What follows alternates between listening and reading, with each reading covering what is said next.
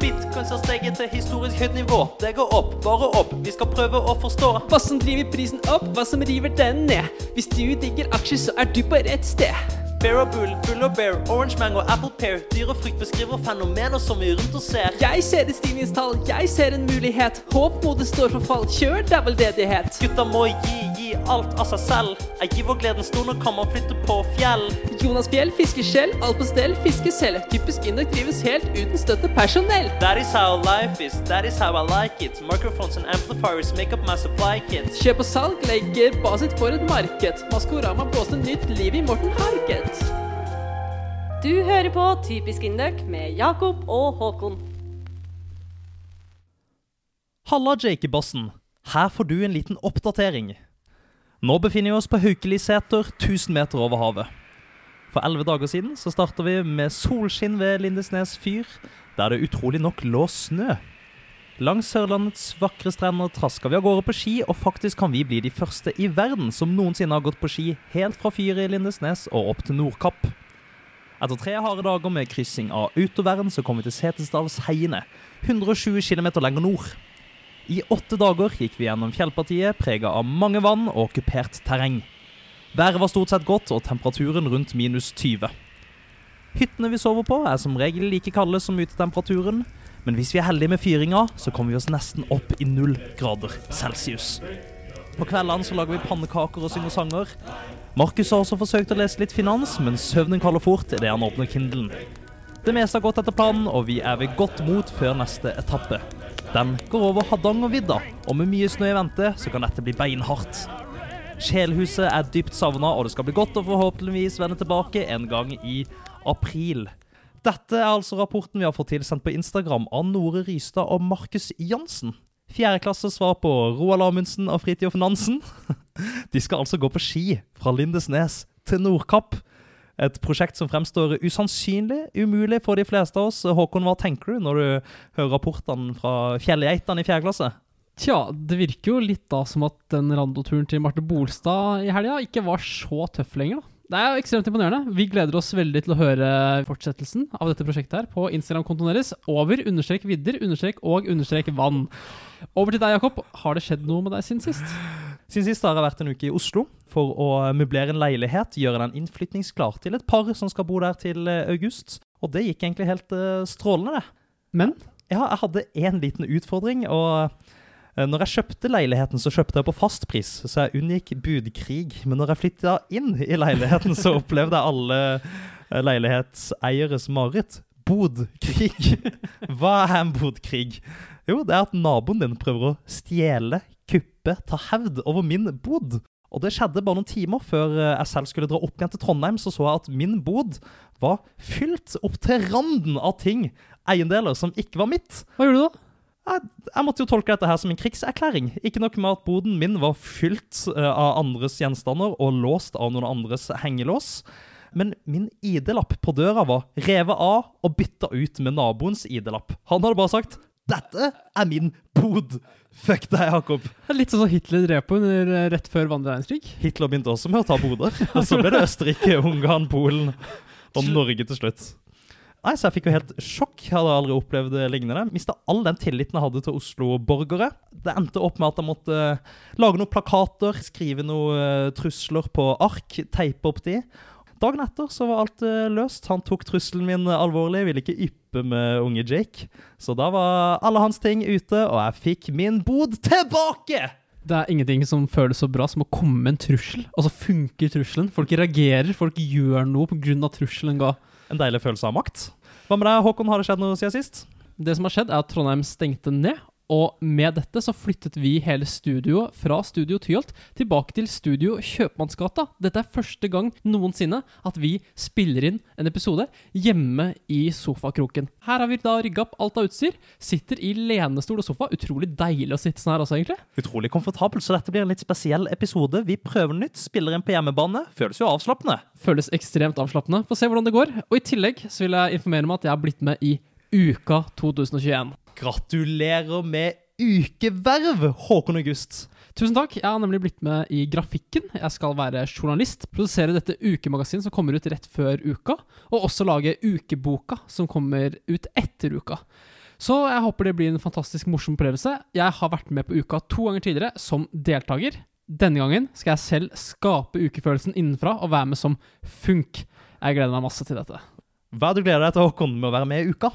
Jeg gleder meg til samholdet, fellesskapet, og også egentlig å få tilgang til hyblene på Samfunnet. Det virker ganske fett. Betyr det at ditt verv er på en måte ferdig idet uka begynner? Kan du bare slappe av og kose deg? Ja, basically så kan jeg det. Det er helt rått. Brukte du erfaring fra John Script-redaksjonen når du søkte denne journaliststillinga? Du, det gjorde jeg faktisk. I min søknad så la jeg ved en artikkel som jeg skrev for JS tilbake høsten 2017. Fordi den artikkelen, den synes jeg var den beste jeg har skrevet noensinne. Og Er det kanskje verdens beste artikkel? kanskje verdens beste artikkel. Den heter 'Kulturell appropriasjon' på Induc. Vanskelig ord, det er appropriasjon.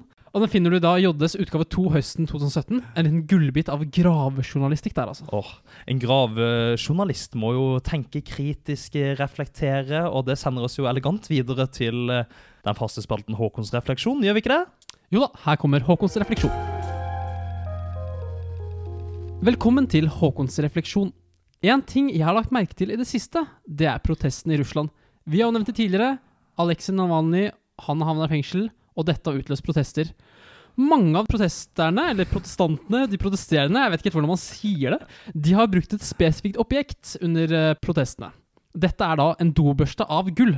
Og dette er på grunn av at det ryktes at dobørsten til Putin i hans palass er av gull og kosta 7000 kroner. 7000, ja. Vi skulle gjerne hatt den på vår også, vi sliter jo på å få vekk de verste flekkene. Ja, Vi kjøpte en til sølv til bare 5000 kroner. Men samtidig så er det en herlig symbolikk her. Dobørsten er jo noe som vaskedamer bruker, og den i seg selv er jo et symbol på de lavere klassene. Altså no offend til vaskedamer. De gjør jo en fantastisk jobb. At dobørsten er av gull, det topper symbolikken. Gull, det er de rikes metall. Og jeg har forslag til andre protestobjekter da, som kan brukes. Og jeg er ikke nødvendigvis enig i protestene jeg kommer til å komme nå, eller oppfordrer til de. Jeg har bare forslag til noen gode objekter til de protestene. For de som ønsker å protestere. Første protest mot at man ikke kan dra til utlandet i vinterferien. Hvilket objekt skal man ha da? Jeg tenker dørslag av gull. Hva er dørslag nå igjen? Ja, Dørslag eller pastasil eller nederlandsk skrutrekker. Det er mange navn på dette kjære barnet. Det er det du holder pastaen inni, og så får du la vannet renne ut. ikke sant? Symbolikken her ligger jo at pastasilen det skal da symbolisere Italia, stedet du ville på vinterferie. Men hvorfor skal den være av gull? Fordi det er mot de rike, da. Protester er alltid mot de rike. Du ser aldri rike gå i protesttog. Det er alltid de fattige. Det er fattige mot de rike. En protest sparker på en måte oppover i sin natur. Ja, Det gjør det. Så nummer to. Det er protest mot stengte treningssentre, og det er da en cowbell i gull. Gull mot de rike. Ja, selvfølgelig. Hva med cowbell? Er det noe mer symbolikk bak eh, det enn at det er et vanlig utstyr på treningssenteret? Nei, det er egentlig mest for å få trening, fordi treningssentrene er jo stengt. Nettopp, så da får du treninga gratis. Ja, stemmer. Genialt. Nummer tre. Det er protest mot utvinning av olje. Og her tenker jeg bare en plakat med tallet 79. Hvorfor 79? Det er nummeret til gull i periodesystemet. Å ja. Så det er bare gull? Ja, det er symbolikken ligger at ikke sant, det er rike da, mot de fattige. Nettopp. Der har vi det. Vi oppfordrer alle til å gå inn og lese seg litt opp på periodesystemet, sånn at du er godt forberedt hvis du ser eh, tall i fremtidige protester. Takk for en meget solid refleksjon, Håkon. Er du fornøyd selv? Jeg er veldig fornøyd. Jeg syns jeg har konkrete forslag som folk kan bruke. Jeg håper kanskje vi kan se en ny arabisk vår med noen av disse objektene i bruk. da. Skal vi ikke bare snakke litt om eh, dagens gjest? Vi får besøk av Kristoffer Winther. Ja, Han er jo kjent for flere ting. Ja, han, jo, han har jo vært leder i MKM. Det er vel kanskje det man assosierer mest med, med Vintergutten. Ja, Og så er han også Inducs kjekkeste mann. da. Det ryktes kanskje det. Ja, Han ser jo ut som Oslo vest, men han er born and raised på Oslo øst. Dette må vi grave mer i, så da tror jeg det bare gjenstår å si Her kommer vinteren. Her kommer den kalde, fine tida. Her kommer vinteren. Endelig fred å få. Da har vår gjest ankommet studio, og Jakob, kan ikke du bare kjøre på med introduksjonen? Søndag 8. desember 1996 velta det ut en livsglad poet fra Trine Hoel Winters mage på Oslo universitetssykehus. Som nyfødte flest så kunne den lille tassen både skrike og hyle som en liten drage fra første sekund, men i dette tilfellet skjedde det noe helt spesielt. Både sykehusansatte, gravide mødre og andre nyfødte småbarn samla seg rundt den lille gutten, som gråt både vakkert og sårbart etter melodien til symfoni nummer 40 av Wolfgang Amadeus Mozart. Med en vibrator i verdensklasse og en formidlingsevne i norgestoppen var det åpenbart at guttevalpens liv skulle preges av musikk, dans og drama. Og drama ble det, da dagens gjest valgte å satse på akademiske studier til fordel for å følge guttedrømmen om å begynne på London Academy of Music, Theatre and Performing Arts. Det var nemlig løftet han ga til seg selv etter videregående, men tre år i militæret gjorde at gutten endra fremtidsplaner. Han hadde nemlig fått nyss om at eh, et klingende mannskor var igangsatt på Induc. Og drømmen om å kombinere musikk med programmering, finans og ledelse ble sådd i den topptrente soldaten fra hovedstaden. Han har sett det meste av videoer som finnes på YouTube, og hans mest spilte artist på Spotify i 2020 var Pirum Sangkor. Fra Kegershus på russebuss til første bass med tinnitus. Velkommen til Studio Tyholt, Kristoffer Winther. Takk. Hvordan likte du den introen her? Jo, det var en veldig fin intro. Ja. Jeg har aldri hatt noen ambisjoner om å begynne på noe musikkakademi i London. Du skulle ikke til London, du? Nei. Nei, jeg skulle ikke til London. Stemte noe her, eller er vi lengre unna enn noen gang? Eh, Det stemte jo veldig fint at jeg har vært tre år i, i Forsvaret. Ja. Og at uh, jeg eh, har- er med i MKM Ja. og går Induc. Uh, Hva med Pirum Sankor? sangkor? Pirum med sangkor stemmer faktisk også, men i 2019. 2019, ja. Det er jo litt sånn en guilty pleasure, da. Nettopp. Litt grann flaut, men det, det går helt fint. Er det det du hører på mens du studerer, f.eks.? Litt Pirum i Nei, men det var De hadde en konsert som heter Revolvergutt, som jeg syntes var veldig kul. Og så plutselig så var alle sangene deres på Spotify. Ja. Og så er jo jeg veldig glad i å synge. Og liker jo veldig godt å høre på musikk som jeg kan synge med til. Ja. Og, Og, der er var perfekt. Ikke sant? Det var jo musikk jeg kunne synge med til. Det blir mye prat om sang og musikk eh, i dag, men eh, hva lærer man etter tre år i militæret? Oi. Og blir man soldat? Du blir jo soldat av null tid i militæret, basically. Du skal jo bare komme inn, og så blir du jo soldat. Men okay. ja, jeg jobbet jo som sersjant da jeg gikk først ett år på befalsskolen. Og så okay. jobbet jeg to år som sersjant Okay. Og da blir du jo Du blir jo vant til å lede folk, men det er jo en litt annerledes ledelsestype enn det det er i, i hva skal man si, virkeligheten. Ja. Det er jo ganske mye strengere, ganske mye mer direkte. Mm. Og man leder folk som ikke kan noe som helst innenfor det som de skal bli lært opp i. I hvert fall hvis man er lagfører for vernepliktige. Mm. Nettopp. Er det åpenbart for deg at meg og Håkon ikke har vært i militæret? Nei. Det er ikke det? Nei, det er ikke det. fordi altså, sånn, Mange som tror at ved å være i Forsvaret så blir du veldig sånn, ah, veldig bra trent, veldig sånn alvorlig og veldig seriøs og veldig direkte. Men det er utrolig mange som ikke på en måte faller innunder den stereotypen som man tenker på liksom Forsvaret-folk. da. Ja. ja. Nei, vi kan eh, disiplin, eh, meg og Håkon. Men du, la oss snakke litt om eh, Wolfgang Amadeus Mozart. Hvem mener du er Indux svar på Mozart? Indeks svar på Mozart. Det aner jeg ikke. Nei? Det Er det noen i MKM som noe- eh, kan eh, ligne litt i det hele tatt? Eh, Jeg tenker kanskje Jonas Sjong Forfot. Ja. Jeg tenker kanskje Endre fra Molde. ja, Jonas er vel den Mozarteste vi har i MKM. Han er en kjempefin fyr. Ja, Og det var Mozart også. utrolig Ja, jeg, jeg tror Mozart var en Man kjempefin fyr. man glemmer det. Man hyller han for musikken, men han var også en så ålreit type. Mozart hadde også veldig kult hår, Ja. akkurat som Jonas har. Mm. Han Jonas- døde av syfilis. akkurat. Utrolig synd. Ja. Og Jonas er jo veldig veldig flink musikalsk, da. Ja. Så hvis det liksom er det man eh, sikter til, som er vel kanskje det jeg ville tenkt på, Ja. så er Jonas er jo veldig, veldig utrolig flink til å spille piano. Kjempeflink til å synge. Da har vi eh, Julie Blakstad som Indux Martin Ødegaard, og Jonas Frank Forfot som Indux Mozart. Fantastisk. Du, jeg tror jeg bare tar et lytterspørsmål allerede, og det er hva er Kristoffers kallenavn i MKM? Hva er det de kaller deg for i koret? Lille-Chris kaller de meg for. Lille-Chris. Lille-Chris, ja. Det er jo litt merkelig, fordi det burde jo tilsi at Kristoffer er ganske liten, men det er jo derimot ikke sant. Du er jo relativt høy og stor. ja. Hvordan skjedde dette? Det er fra uh, vinterkonserten vår i førsteåret mitt i MKM. Vi var på etterfest hos uh, Hans Chang. Hvor vi, vi hadde fast etterfeststed uh, i Hans Chang sin leilighet. Jeg dro hjem ganske tidlig fordi jeg hadde eksamen uka etterpå. Jeg og Nils Gunnar og mm, Tormod, tror jeg kanskje, sto i gangen. Og så kommer da eh, Lykke, som var da femteklassing, Ja. inn. Jeg gikk jo da i første.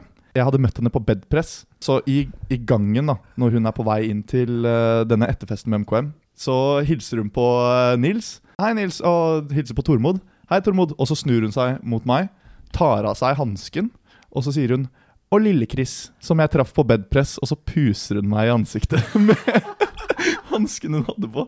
Og jeg var jo sånn ett og et halvt hode høyere enn henne, så det må ha sett veldig komisk ut også. Men, og Lille-Chris, som, jeg traff- som jeg traff på bedpress, puste meg i ansiktet med hansken. Og så er det så utrolig synd at eh, det er de kallenavnene som setter seg òg. Du ja, håpet jo at dette her skulle gli glatt unna, men det gjorde det ikke. Nei, men jeg synes det går greit. Det er koselig å ha et kallenavn. Ja. Og så er det mest eh, dirigenten Emma som kaller meg for uh, Lille-Chris, fordi hun syns Ja. det, er en, eh, hun synes det er en veldig morsom historie. Hvor høy er du? 1,92, tror jeg. Og det er en meget pen høyde. Vi går videre. Har du noen gang drømt om å bli gatemusikant? Apropos det med den der introen. Jeg har aldri vært noe særlig sånn god til å synge. Jeg er ikke noe sånn kjempegod til å synge nå heller. Nei, nei, nei, det er jo bare Jeg bare syns det er morsomt, ikke sant? Ja. Og så blir man liksom god nok, da. Ja, men Det er jo et musikalsk nivå over MKM. Det er jo ikke hvem som helst som har sangstemmen til å bli med der. Og i tillegg synger du TSS, da. Altså Ja, jeg gjør det. Faktisk, jeg synger i to kor. Hva er TSS? Trondheim Studentsangforening. Er det Samfunnet som eh, driver det? Ja, det er sånn storkor fra Samfunnet. Storkor fra Samfunnet? Gutter og jenter blanda? Nei, bare gutter, men det er 80 Ja. stykk, da. Mm. Og ikke 20, sånn som okay. i MKM. Så synger de, eller vi, ganske annerledes eh, type musikk, da. Ja. Vi synger um, mer sånn det som kalles for klassisk mannskorsang, da. Så som blant annet så hadde vi julekonsert nå før jul, og da sang vi liksom O helga natta, blant annet. Ja. Men det mener jeg har hørt MKM synge òg. Det er noe, i hvert fall noe deilig av jorden der, og litt sånne ballader. Det er ikke Mm. bare show og ironi. Ja, det er av og til, men først og fremst så er det mye kødding gjennom sangen. Ok. Men uh, hva er forskjellen på TSS og Pirum? Pirum er en undergruppe av TSS, da. Så alle som er med i Pirum, er også med i TSS. Pirum er jo mer på samme linje som MKM når det kommer til hva slags type musikk de synger, da. Mens TSS har litt mer sånn, ja, kanskje litt mer seriøse sanger. Så sånn vi skal ha vårkonsert nå, som blir veldig kul, Jorda rundt med TSS. Da skal vi synge mm, sanger fra alle land i hele verden, da, vi, eller ikke alle land i hele verden, Håkon, geografihjernen din som bare ding, men eh, Jeg hørte ikke sang fra Tadsjikistan! sant? Vi skal synge indisk og japansk og på gregoriansk. Og vi skal synge på færøysk. Eh, Og, ja, det er helt sjukt. Den sangen er helt vill. Det er Da, umulig da å må du lære deg sangtekster på språk du ikke kan noen ting om. Og det har funnet ut av at, altså jeg har funnet ut av at jeg aldri skal til eh, Færøyene. På er grunn av den sangteksten. Ja, det driter jeg i. det språket deres er umulig å forstå. For første gang så tar vi avstand fra Færøyene i typisk Ja. Ja. Det er en blanding av islandsk og dansk, da, slik jeg har forstått det. Isdansk. Islandsk. Men det er ekstremt deilig å ha deg i Studio Tyholt, Kristoffer. Denne uka har vi flytta Studio Tyholt inn i Studio Kjøpmannsgata. Vi er hjemme hos meg og Jakob, der vi lever fra dag til dag. Hvordan trives du i kollektivet vårt? Jeg trives veldig godt i kollektivet deres. Jeg tror faktisk jeg sa det til deg første gang jeg var her også, Håkon. At jeg syns dere har et utrolig fint eh, kollektiv og veldig fin leilighet. Jeg mener, jeg husker at du spurte om du kunne flytte inn også. Ja, jeg gjorde faktisk det. Kanskje det åpner seg en plass neste år. Men før vi snakker mer om det, så dundrer vi inn i spalten 20 spørsmål. Og velkommen til 20 spørsmål, Kristoffer. Det er vel en eh, selvforklarende spalte, så vi bare antar at du kan reglene og er klar til å svare. Yep. Vi vil vite ditt fulle navn. Kristoffer Winther. Ikke noe mellomnavn? Ikke noe mellomnavn. Kristoffer Sommervinter. Det var ikke helt kult. Mamma er faktisk veldig lei seg for at jeg ikke har uh, Hol som mellomnavn. Nettopp. Som både hun og min lillesøster har det. Ja, Nå tenker du på Trine Hol-Winter? Ja, du nevnte jo navnet hennes. Fuck you. Det er dårlig gjort, ass. shout-out til foreldre. Alder, 24. klassetrinn, Tredje. teknologiretning, Data. Fra hvilken by, Oslo. Norges beste by. din sivile status. Singel. Hvor mange kjærester har du hatt? Oi, kanskje bare én? Kanskje bare én? Ja. Løpende verv? Head of Customer Relations i Mannskoret Klingende Mynt. Ok. Og så er jeg styremedlem i TSS. For oss som ikke er så gode med sånne engelske titler, hva betyr det eh, Head of Customer Relations? At jeg er på en måte oppdragsansvarlig, da. Ansvarlig for å snakke med, med kunder og sånne ting. Klienter. Klienter, ja. Ikke sant? Da du var liten, hva ønska du å bli når du ble stor? Politimann, tror jeg. Hva hadde du studert om Induk ikke fantes? Åh, det har jeg tenkt litt på, men jeg er liksom ikke helt sikker.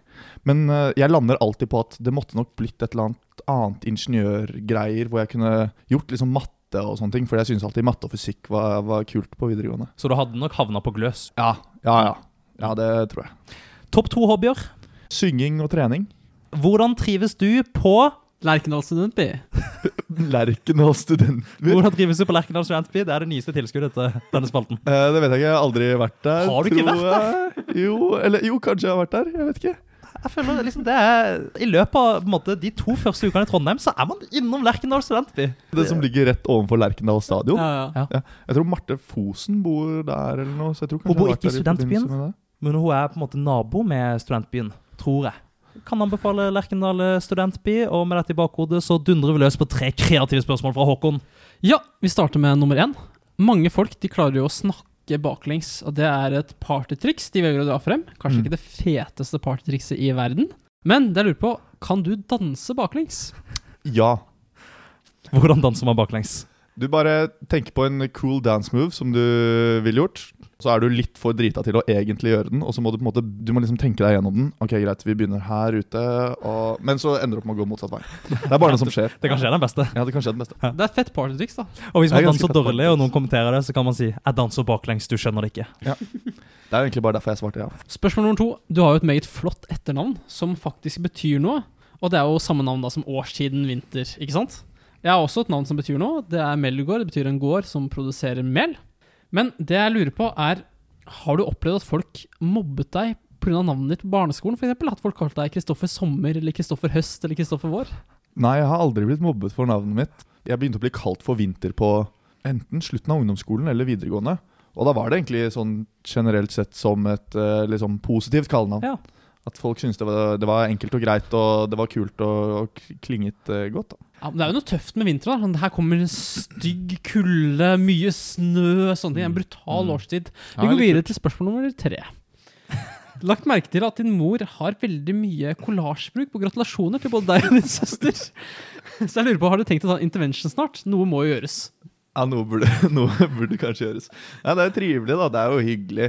Vi har, har alltid hatt liksom, Vi hadde kollasjer eh, hjemme, bildekollasjer hjemme før det ble en greie på Facebook. til Før det fantes apper? Før så hadde dere fysiske kollasjer? Ja, vi hadde sånne vi, Hjemme der hvor jeg bodde før, så hadde vi sånn tre store innrammede bilder. Sånn kjempestore. Der eh, hadde liksom mamma alle bildene av eh, meg og lillesøsteren min. Så jeg tror på en måte bare det har blitt en videreføring Ja. av det. Og så har det jo, er det jo mange andre som har funnet ut av at det er en kul ting. Eller Det var en kul ting i 2011, men det er ikke så fett nå lenger. Man må bare legge ut flere bilder i en serie, så kan man heller bla. Det blir så smått og kornete når det er sånne kollasjes. ja, Jeg er enig, men jeg tror kanskje mamma syns det er litt Jeg tror mamma syns det er hyggelig. Absolutt. Det er alltid også 16 bilder hver gang. Det er veldig gøy. Vi tar et fjerde kreativt spørsmål. Det er sjelden vi kommer dit. Men det er fordi det var et lytterspørsmål som jeg følte passet rett inn i denne delen her. Og det kommer fra Henrik Tonning. Hva er dine spesifikasjoner på varmtvannstanken? Jeg vet ikke, men jeg vet at uh, han ene roomien min skulle skru på varmtvannstanken vår rett før jul, og skulle bare fikse litt grann, fordi vannet var litt grann varmt i springen. Ødela hele driten, så vi gikk en øh, langhelg uten nevneverdig med varmt vann. De fleste vet jo ikke hvilke spesifikasjoner de har på varmtvannstanken. Jeg hadde blitt litt overraska her hvis du hadde et veldig nært forhold til den. Nei, men jeg har, jeg har litt grann forhold til den, fordi jeg vet at den er ikke like varm nå som det den var før den ble ødelagt. og, vi måtte, og vi måtte bytte hele driten.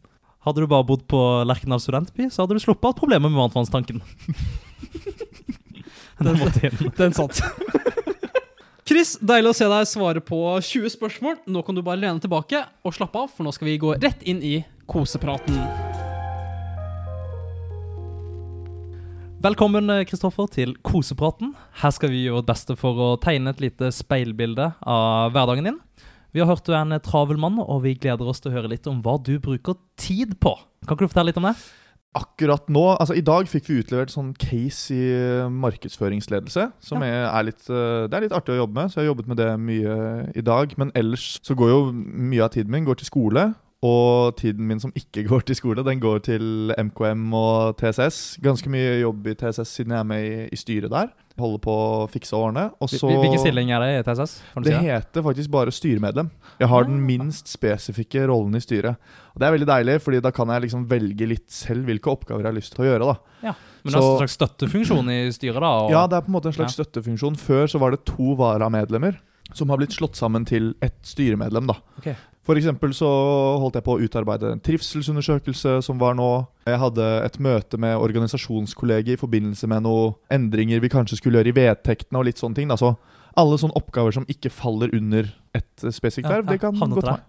Men vi kan jo snakke litt om eh, Du var innom skole, at det går litt tid eh, der. Mm. Kan ikke du si litt om hvilke fag man har tredje klasse vår? Dette er jo et semester som de fleste pleier å være på utveksling. Det vil si at mange tidligere inndøkkere ikke har hatt disse fagene på NTNU. Du nevnte riktig. markedsføring, men hva mer har vi? Man har eh, det første optimeringsfaget, som heter vel optimering og beslutningsstøtte for tekniske og økonomiske bedrifter, eller et eller annet. Å, det har du pugga. Nei Flott navn! ja, jeg er ikke, Det er Se ikke han, sikkert. Det er riktig, altså. Det, men det var noe sånn. Og så har du metoder i kunstig intelligens. Ja. Og så har du datavarehus og datagruvedrift. Ja. Som eh, egentlig Altså, jeg, jeg følte at uh, dette semesteret er det mange kule fag. Mm. Så viste det at jeg hater metoder i AI, men Nei, det er bare fordi jeg ikke får det til. Okay. Så jeg tror kanskje at jeg hadde likt det hvis jeg ikke hadde vært så jævla dårlig i det. Jeg tror nok det henger litt sammen med hvor mye mestring man opplever underveis. At det Ja. henger litt sammen med hvor, hvor godt man liker et fag. Ja. For eksempel Mathea, som var gjest forrige uke, hadde fått et meget godt inntrykk av AI-verden. Og jeg tror ikke du skal lukke den døra helt. Jeg syns egentlig markedsføring var så gøy, for det ikke er muligheten til å være veldig kreativ i det faget. Jeg fant på masse kampanjer for hva vi skulle holde på med. Vi hadde en sånn ski-app, sånn kartapp for å gå på toppturer. Mm. Hvor da vi hadde da 71 grader bratt. Sjekk, sjekk fatmap hvor bratt det er. Oi, så kreativt. Kjempekreativt. Jeg er så dritlættis. Men jeg syns også markedsføring er et eh, ganske kult fag hittil. Det er vel optimering og markedsføring jeg liker kanskje best, Mm. tror jeg. Hvor er det du jobber hen? Er det hjemmekontor om dagen? Jeg har vært veldig mye på hjemmekontor uh, hittil. Jeg har vært litt på skolen, mest for å jobbe sammen med Ivar, som er både lytter og tidligere gjest. En god venn av podkasten, En god Ivar. Nore. En god venn av Den gamle revyskuespilleren.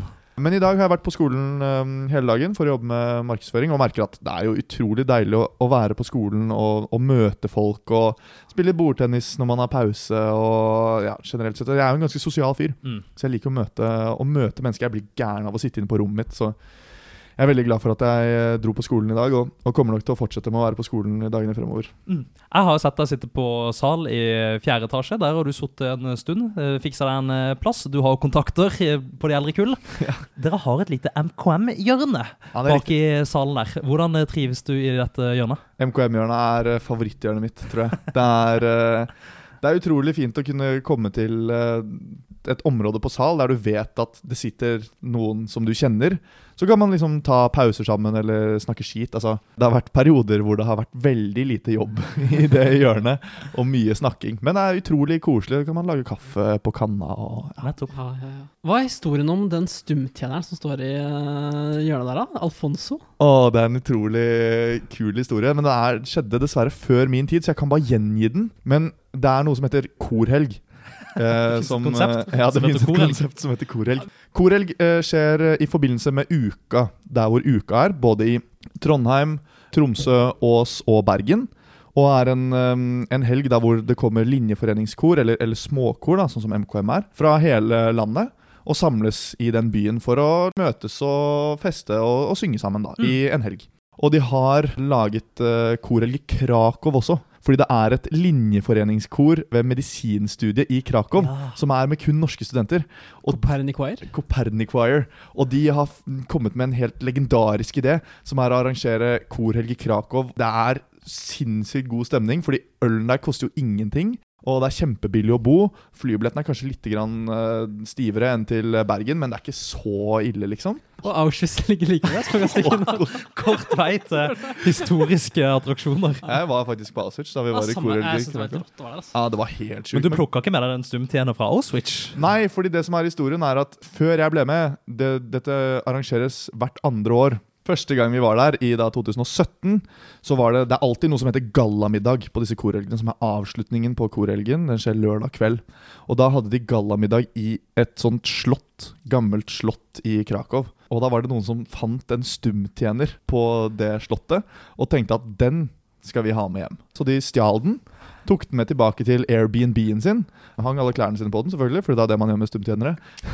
og fant ut av at vi må ta den med hjem. Litt av en gevinst. Så den ble altså um, flydd hjem som spesialbagasje til Trondheim. Og nå står den på sal med bagasjelappen rundt og et slips som det har fått av Håkon Havre, hvis ikke jeg tar helt feil. Alfonso har fått seg slips og hilser der eh, god morgen hver eneste dag dere trapper opp på sal. Den har også blitt regnskapsføreren vår nå. Ja, Det har blitt så enkelt i trippeltekst at en stumtjener kan eh, løse jobben. Vi må nesten eh, snakke litt om utveksling. Du går i tredje klasse. Vi hadde besøk av Vibeke Skjellevold i høst. Hun er nå i Valencia, om ikke jeg tar helt feil. En av få indøkere som faktisk har reist på utveksling allerede. Tenker du å dra til neste år? Ja, jeg har faktisk søkt eh, Eller faktisk, jeg har søkt på utveksling nå til høsten. Jeg har søkt til Italia, til eh, Bologna. Okay. Jeg hadde egentlig veldig lyst til å dra til Australia. Fordi det hadde vært utrolig digg å, å oppleve der nede. Nede i sør der. Ja, down under. Men det gikk jo ikke overens med fagene, fordi jeg kunne bare være der et halvt år. Fordi Ja. instituttet har sagt at eh, dere får bare lov til å være på utveksling høsten i fjerde klasse. Ok. Ja, det er sånn det har blitt. Så da søkte jeg til uh, Italia, fordi det var vel kanskje dit jeg fant ut av at jeg hadde nest mest lyst til å dra.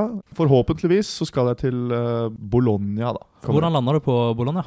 Jeg tenkte Italia er kult. Jeg visste at Milano var et veldig godt universitet. Vi fikk en sånn liste over universiteter vi får lov til å dra til. Og da så jeg på den listen, og så var det liksom Jeg tenkte at eh, ja, ok, Australia og New Zealand ryker nok sannsynligvis. Jeg har ikke lyst til å dra til USA. Og da var det liksom eh, i all hovedsak Europa da som var eh, alternativt for meg.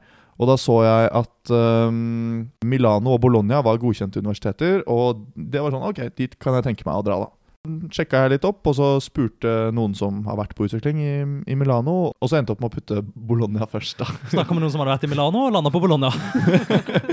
Den er litt mer sånn typisk italiensk, litt mindre og ja, minner litt mer om Trondheim.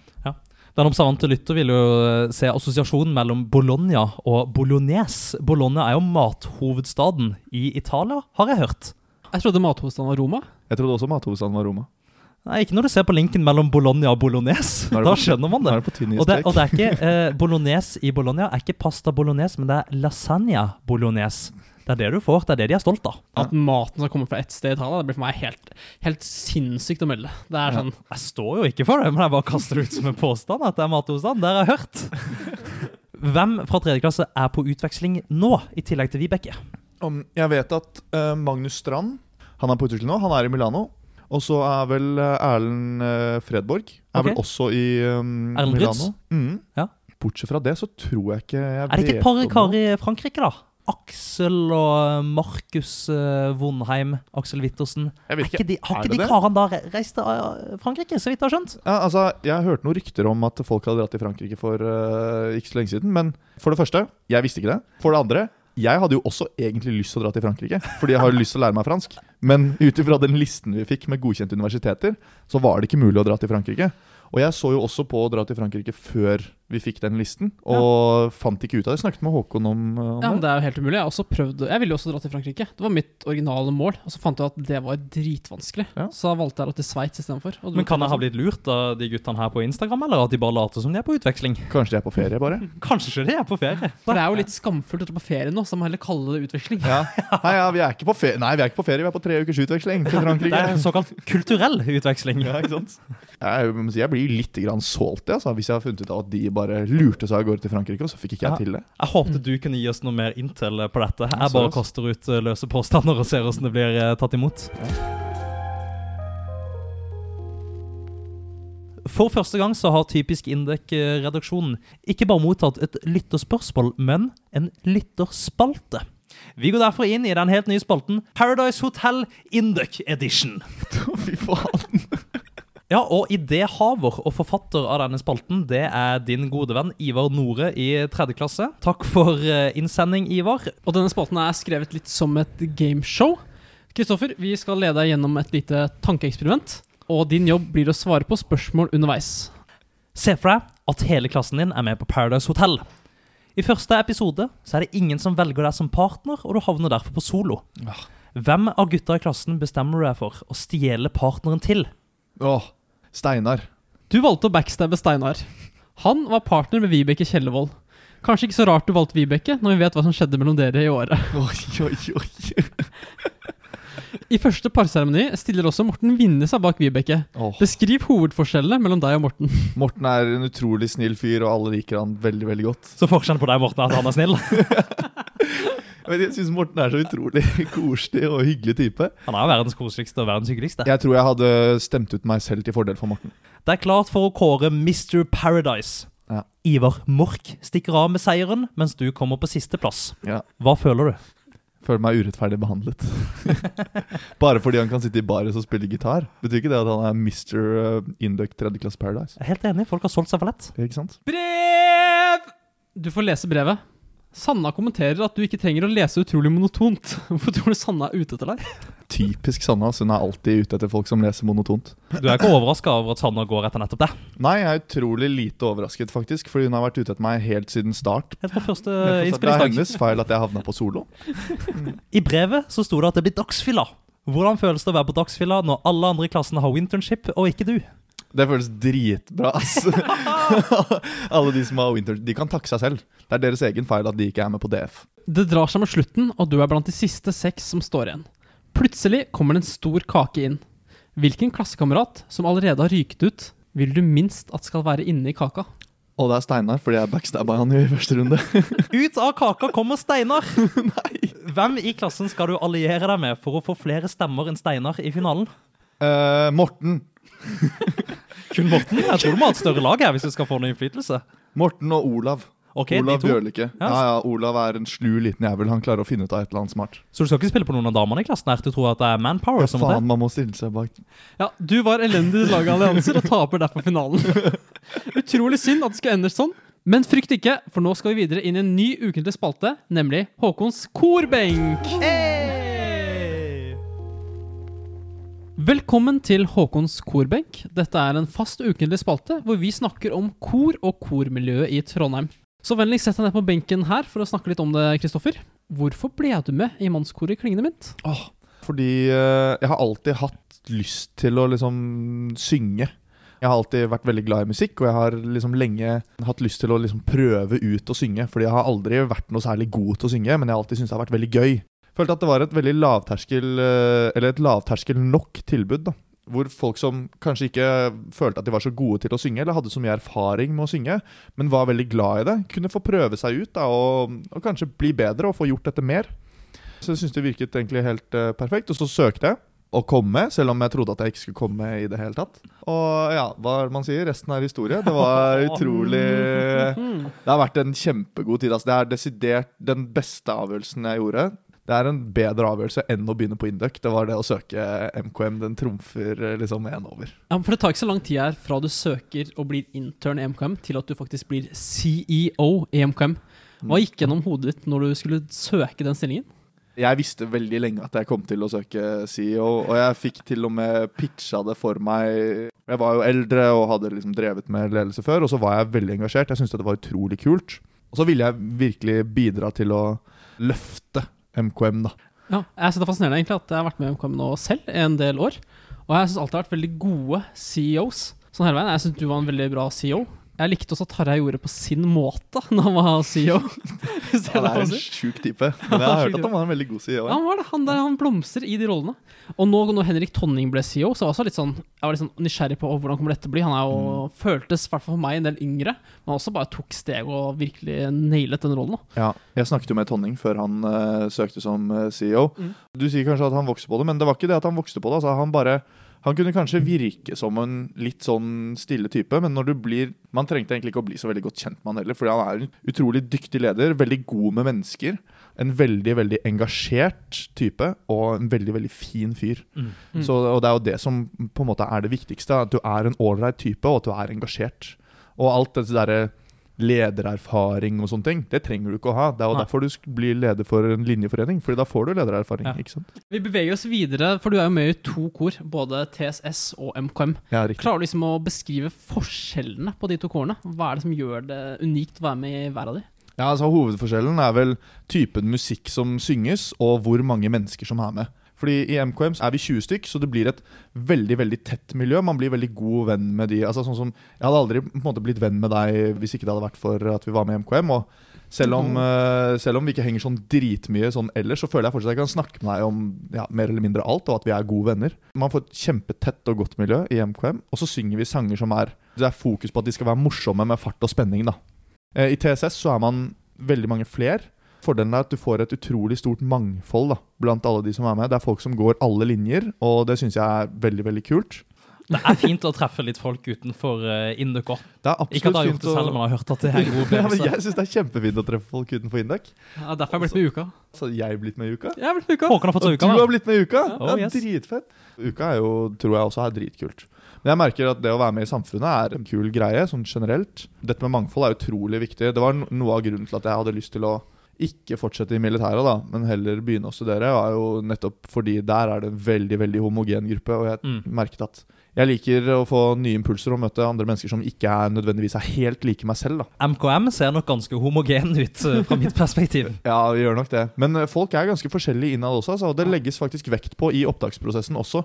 Å Ja. ta opp folk som er uh, forskjellige. Vi ser jo like ut, men det er fordi det inntrykket folk har av oss, er jo som regel fra scenen. Mm. Og når vi er på scenen, så spiller vi jo en karakter. ikke sant? Så Ja. Da er det jo meningen at vi skal være denne type person. Alle skal være det. Det er homogent. Ja, hele er koret er- er en karakter. Mm. Ikke sant? Det er det som er på en måte litt av poenget med koret. Hvis ikke vi hadde virket like alle sammen når vi var på scenen, så hadde Ja. vi på en måte gjort noe feil.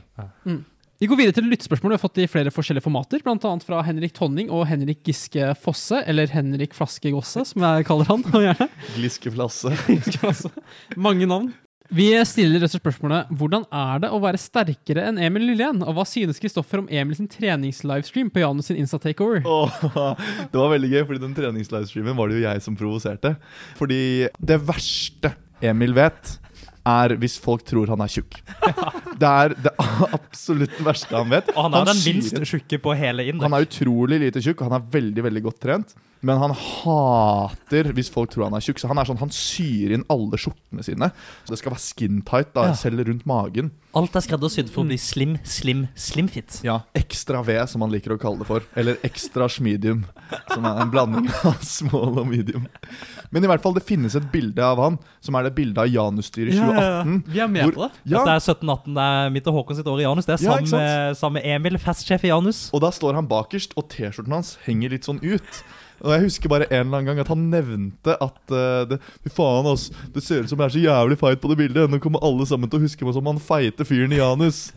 Og så da jeg hadde Instagram takeover, så sendte Emil meg et spørsmål om uh, er jeg svakere enn jeg ser ut som, eller et eller annet sånt der. Mm. Og så skrev jeg sånn Jeg er i hvert fall mye sterkere enn han her, Emil Nylén. Og så sendte jeg da Sendte jeg det bildet i Av Janus feite Emil Av fra feite Emil. Janus-bildet. Eh, og så skrev jeg også sendt som Tjukke-Emil fra 1718-styret i, i Janus.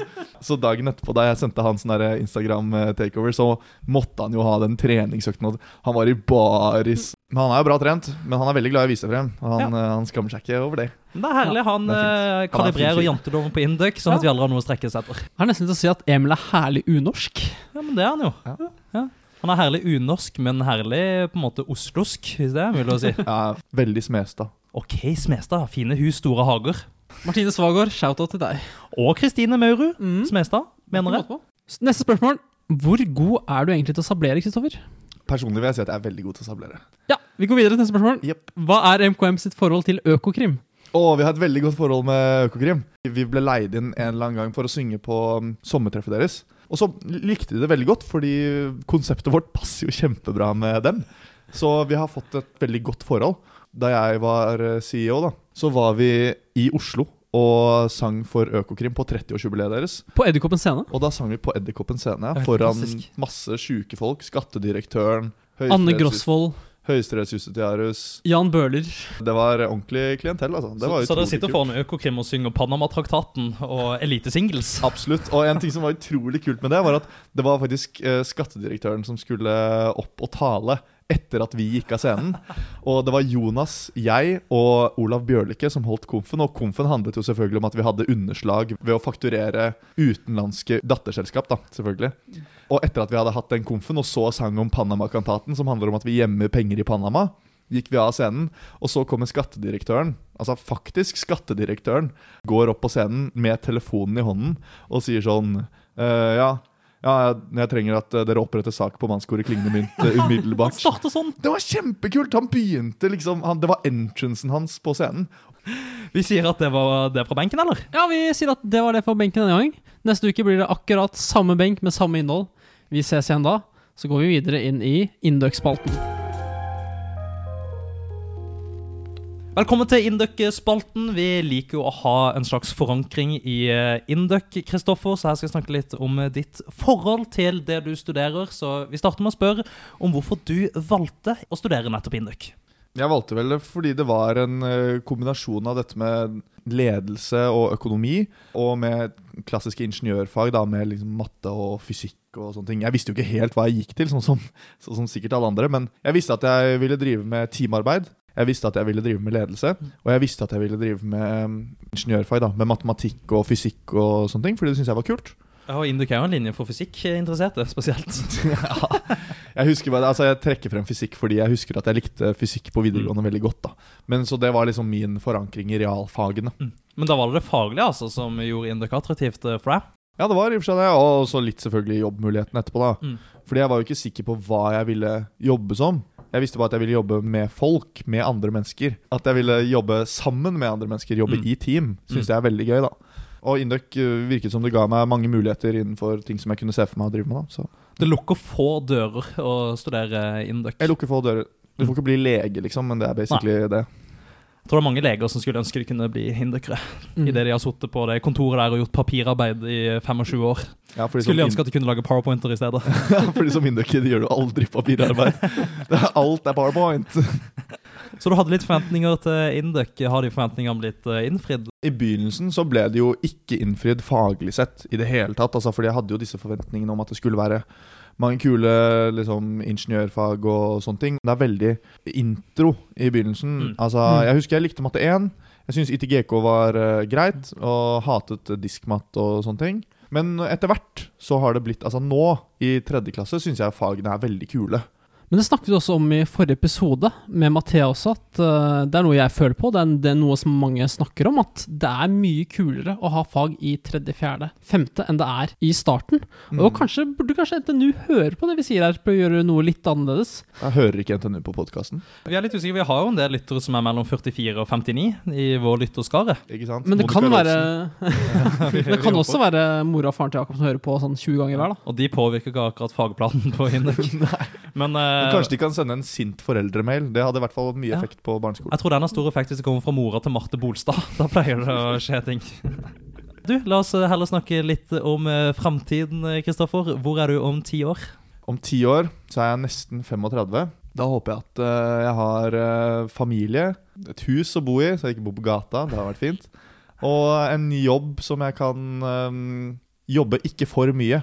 Men fortsatt nok til at jeg føler meg aktiv. Og selvfølgelig sinnssykt mye penger. Det må jeg jo si. Jeg er jo med i MKM, så jeg tror jeg er kontraktspålagt til å si det. Det tror jeg står ganske klart i kontrakten her, at du Ja. ved hver anledning skal snakke opp penger. Jepp. Så jeg håper jeg er dritrik om ti år. Vi skulle til å spørre om hva din største drøm er. Er det da å bli dritrik? Vi spør ofte om store drømmer her i Indøka. Det er kanskje litt vanskelig, kanskje har man ikke sånne drømmer, men man har vel kanskje mål? Noe man på en måte jobber etter, noe man vil oppnå. Har du eh, noe der? 30 årlig avkastning. Um, Ja, du må ligge der. ja, ja, ja. Kortsiktig sett så er det det å lande en jobb som man føler man kan trives med ut av studiene. Å, det høres så basic ut å si.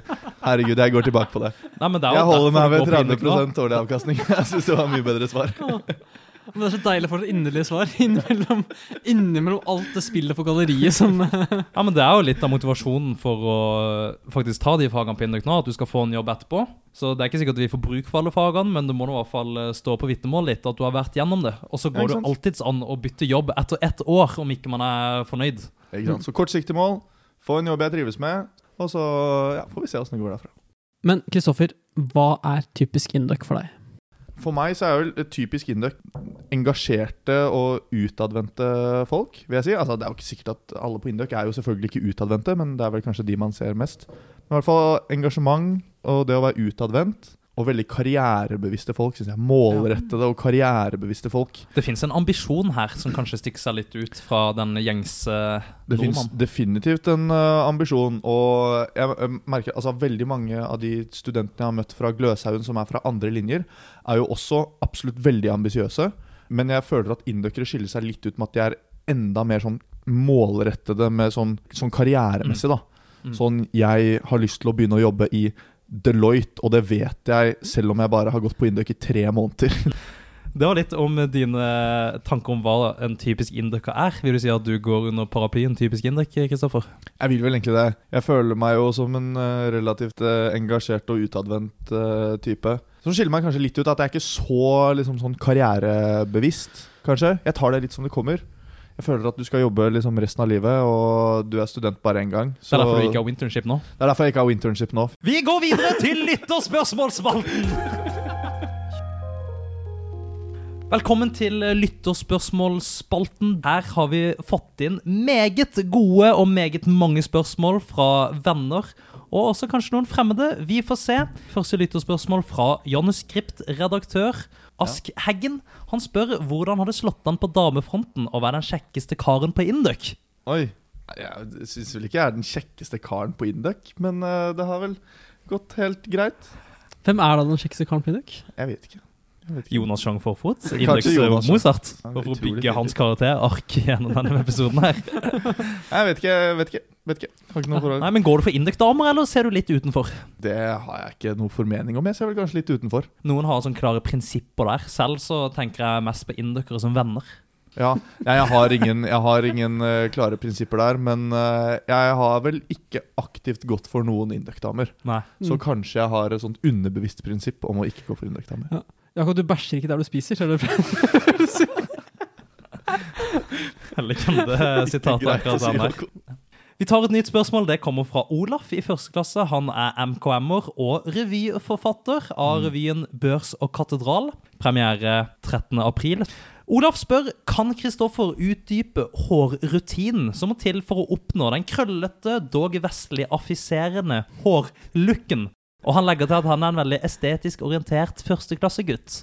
Jeg har faktisk fått overraskende mange spørsmål om håret mitt det siste halvåret. Og jeg har aldri fått Halvåret? det før. Ja, det siste halvåret. Jeg har aldri fått det før. Jeg har fått en del av det i TSS også, faktisk.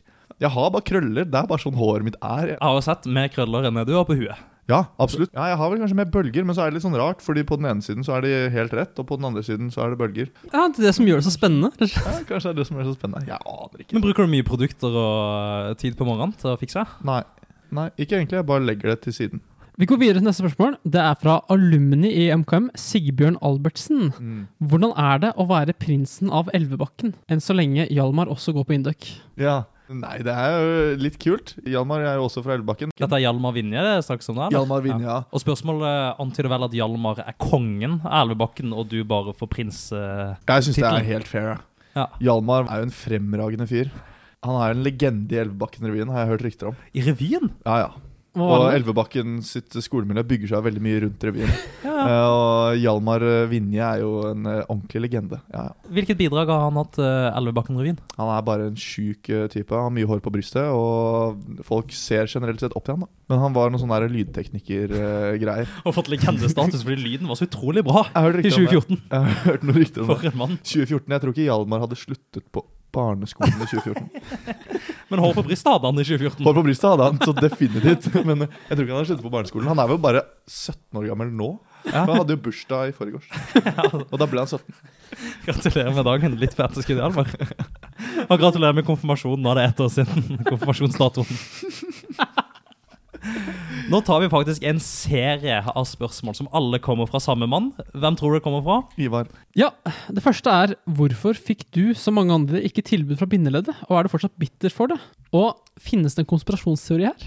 Jeg var aldri på opptak til bindeleddet. Eh, Jeg synes eh, egentlig det virket som det jeg har minst lyst til å gjøre som student. Så Det er sikkert kjempekult å være med i bindeleddet, men jeg søkte absolutt ikke bindeleddet. Men vi var advart mot akkurat dette scenarioet. Ivar Late, hvis Ja. han sier 'jeg søkte ikke bindeleddet', så er det fordi han er flau over at han ikke ble tatt opp. Okay, ja. Hvordan skal vi ta stilling til dette her? Hvordan kan vi ha tillit til dette svaret, Chris? Jeg er egentlig flau over at jeg ikke ble tatt opp. Det er en konspirasjon på gang, og de har ikke lyst til å ta opp folk som er over 1,92,3. Men det er jo faktisk noe innpå noe her, for jeg søkte heller ikke bindeleddet, nei, ikke første. Og det var litt fordi jeg tenkte at ah, shit, dette hørtes ut som mye jobb, ass. Dette hørtes Mm. mye ut som det jeg skal gjøre når jeg er ferdig med å jobbe. Ja, jeg vil heller bare ha det gøy nå. Det var akkurat det jeg tenkte. Men jeg tror de har det veldig gøy da, i bindeleddet. Jeg søkte bindeleddet selv, men gjorde det helt håpløst, særlig på gruppecasen. Det var krevende, og jeg ble avslørt eh, fullstendig. Og de skjønte at jeg har ingenting i bindeledd å gjøre, og det er nok det beste for alle parter. Casen var vel at jeg skulle finne ut hvem som var en tyster i gjengen. Får ikke Vi får ikke lov til å snakke om det. Dette kan ikke ut på radio. Sant, sant, Det fins ikke noe gruppecase i bindeleddet. Fins bindeledd i det hele tatt? Jeg tror bindeledd ikke fins. Det er i hvert fall ikke opptakscase. Det er lenge siden jeg så det til karrieredagene. Vi tar neste spørsmål fra Ivar. Han spør om du tror at ditt liv hadde vært annerledes dersom du hadde oppvokst på riktig side av Akerselva. Absolutt. Jeg tror ikke barndommen min hadde vært preget av så mye kriminalitet som den var. Jeg kommer fra et uh, ganske preget uh, nabolag. Mye kriminalitet, mye fattigdom. Mye Småkriminalitet eller bankran og drap? Storkriminalitet, bankran og drap. Ok. Hvor, hvor i. Oslo er du fra? Grefsen. Er Grefsen Oslo øst? Grefsenkollen. Ja, Grefsen jeg har kjøpt meg leilighet 500 meter unna Grefsenkollen. er det- Jeg har alltid trodd at det er Oslo vest. det. Nei, det er Oslo øst. Det ligger sånn 100 meter øst for Akerselva. Det er Oslo øst. Og det er mye kriminalitet her. Jeg tror jeg stjal min første lommebok da jeg var sånn kanskje syv. Da du var syv. Brøt meg inn i min første bil da jeg var elleve eller Ja, noe. første bussran, når skjedde det? Første bussran var jo da ett år etterpå. Det er ofte sånn du går fra bil, taxi, minivan, buss. Det er den gode gamle Gressentrappa der. Vi har oppfølgingsspørsmål fra Hjalmar Vinje. Hvordan ble du så keeg, selv om du vokste opp på østkanten? Ja, eh, Det er et veldig godt spørsmål. Etter at du har ranet eh, tre busser, så får du en ganske sånn hissig legendestatus som gjør at du får lov til å begynne å gå med gold chains. Og når jeg da begynte på Elvebakken, som ligger ti meter vest for eh, Akerselva, så skjønte jeg at eh, hvis du har gold chains, så kan du veksle dette inn til poloskjorter, og så kan man Ja. begynne å gå med dem. Det er valuta, stedet. dette her. Mm. Da Da blir du keg. Vi går videre. Ivar spør eh, Eller Ivar hevder at Kristoffer nå er på Tinder for første gang. Videre spør han om Kristoffer kan gi en rask anmeldelse av denne dateappen. To ut av fem stjerner. To ut av fem. Har du gått inn i AppStore og rata? Nei. Du rater ikke ting på AppStore. Av prinsipp. Det er veldig gøy å lese anmeldelsen av Tinder i uh, AppStore uh, der. For der står det sånn. Ja, jeg har brukt appen nå, men jeg får veldig lite matches. Det er et problem med appen. Jeg tror ikke jeg dukker opp som profil. Jeg bare fått tre matches i løpet av min uh, tid på Tinder. Én stjerne. Det er derfor Chris gir to av fem. Ja, det er derfor jeg gir to av fem. Jeg skammer meg på en måte litt, fordi jeg gikk jo veldig Altså, jeg er jo egentlig veldig imot sånn Tinder og sånne ting. Det er ikke for første gang. Jeg hadde Tinder lite grann da jeg gikk på videregående, og mens jeg var i Forsvaret. Du har Bare bare sånn- aldri snakka om det før nå? Før du åpner deg nå opp i podcast, Aldri snakket om det på podkast, i hvert fall. og jeg syns egentlig ikke noe særlig om det. Jeg syns ikke det var liksom en kjempegod greie. Så jeg har liksom vært ganske vocal om at jeg ikke er noe fan av Tinder Mm. um, en god stund. Grunnen til at jeg kanskje ikke liker det så mye, er vel fordi jeg tror ikke jeg er en type som er så veldig fan av sånn datingapper. Jeg liker ikke å skulle snakke med folk med liksom et uh, underliggende trykk om at vi skal møtes og hitte det off, liksom. Og Mhm. bli kjærester eller uh, ha one night stand eller hva faen det er man er ute etter. da så, Det er jo ikke helt naturlig, men Ja, for mange det- gjør det jobben. For mange gjør det jobben, og for mange så funker det jo veldig bra. Men for akkurat meg så syns jeg kanskje at Jeg føler ikke det er Og nå er ikke jeg dritmye på Tinder. Det høres ut som jeg sitter og uttaler meg som en ekspert her. Men Vi har jo er hatt en ekspert, eh, en Tinder-ekspert i studio tidligere. Vibeke Skjelvold er ikke her til å forsvare seg, men du Ja, kan jo alltid spørre Vibeke om noen tips. Hvis du for eksempel har lyst til å dra på Tinder-tirsdagsdate eller noe i den duren der. Vi går videre til et spørsmål fra Erlend Strandkleiv. Han lurer på hva er MKM Case, og hvilke meritter kan de skilte med? Oi, MKM Case er da case-gruppen til MKM. Vi kan jo skilte med da vinner av eh, Times Case-konkurranse 2020. Det er jo meg, Håkon Havre, Hjalmar Vinje og Espen Fystro som er en del av eh, MKM Case. Så vi vant case-konkurransen, som var nå i oktober eller et eller annet, med Steam. Veldig bra case-konkurranse, syns jeg. Og så hadde vi da semifinale, europeisk semifinale, nå eh, på lørdag, var vel det. Mm. Europeisk semifinale, dvs. Si, eh, deltakere fra flere land. Ja, deltakere fra Det var vel 38 forskjellige land Eller 38 forskjellige deltakere da fra 38 forskjellige byer. Det var spørsmålet fra Erlend Strandklev. Vi går videre til neste spørsmål. Det er fra en uh, anonym kilde. Hvem er best til å synge i MKM, og hvorfor er det Erlend Strandklev? Oi! Erlend Strandkleiv er jo utrolig god til å synge, faktisk.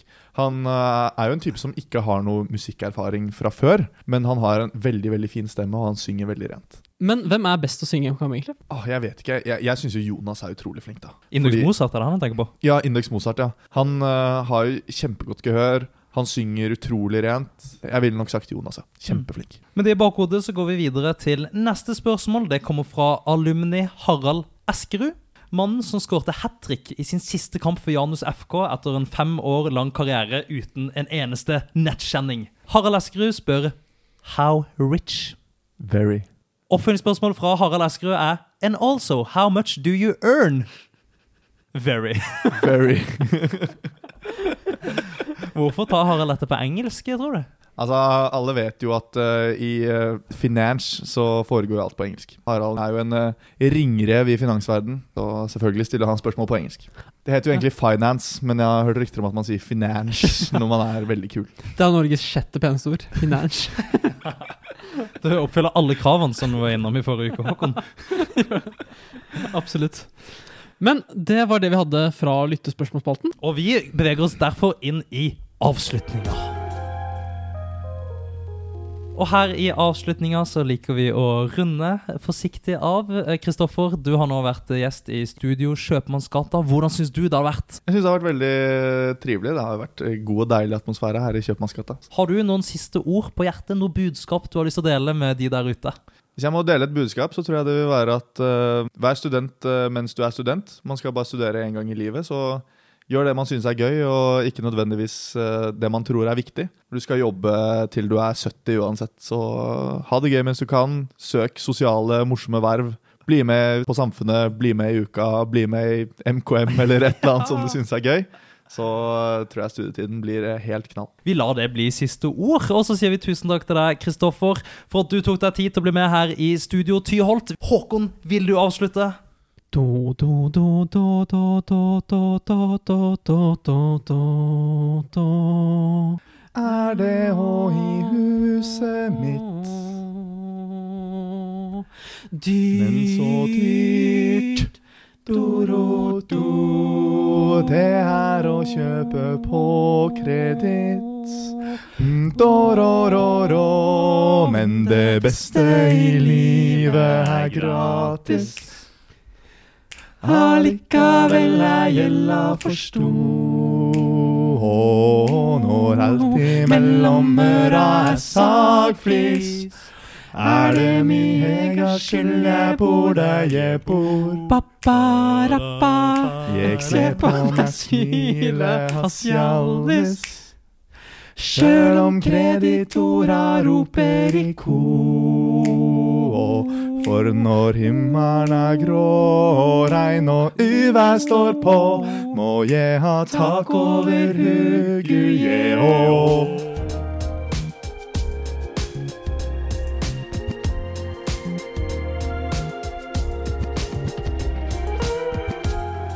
Klipp vekk den Auschwitz-kommentaren min. Jeg føler det var litt grov å ha i podkasten. Må ikke du være så redd for det, Håkon.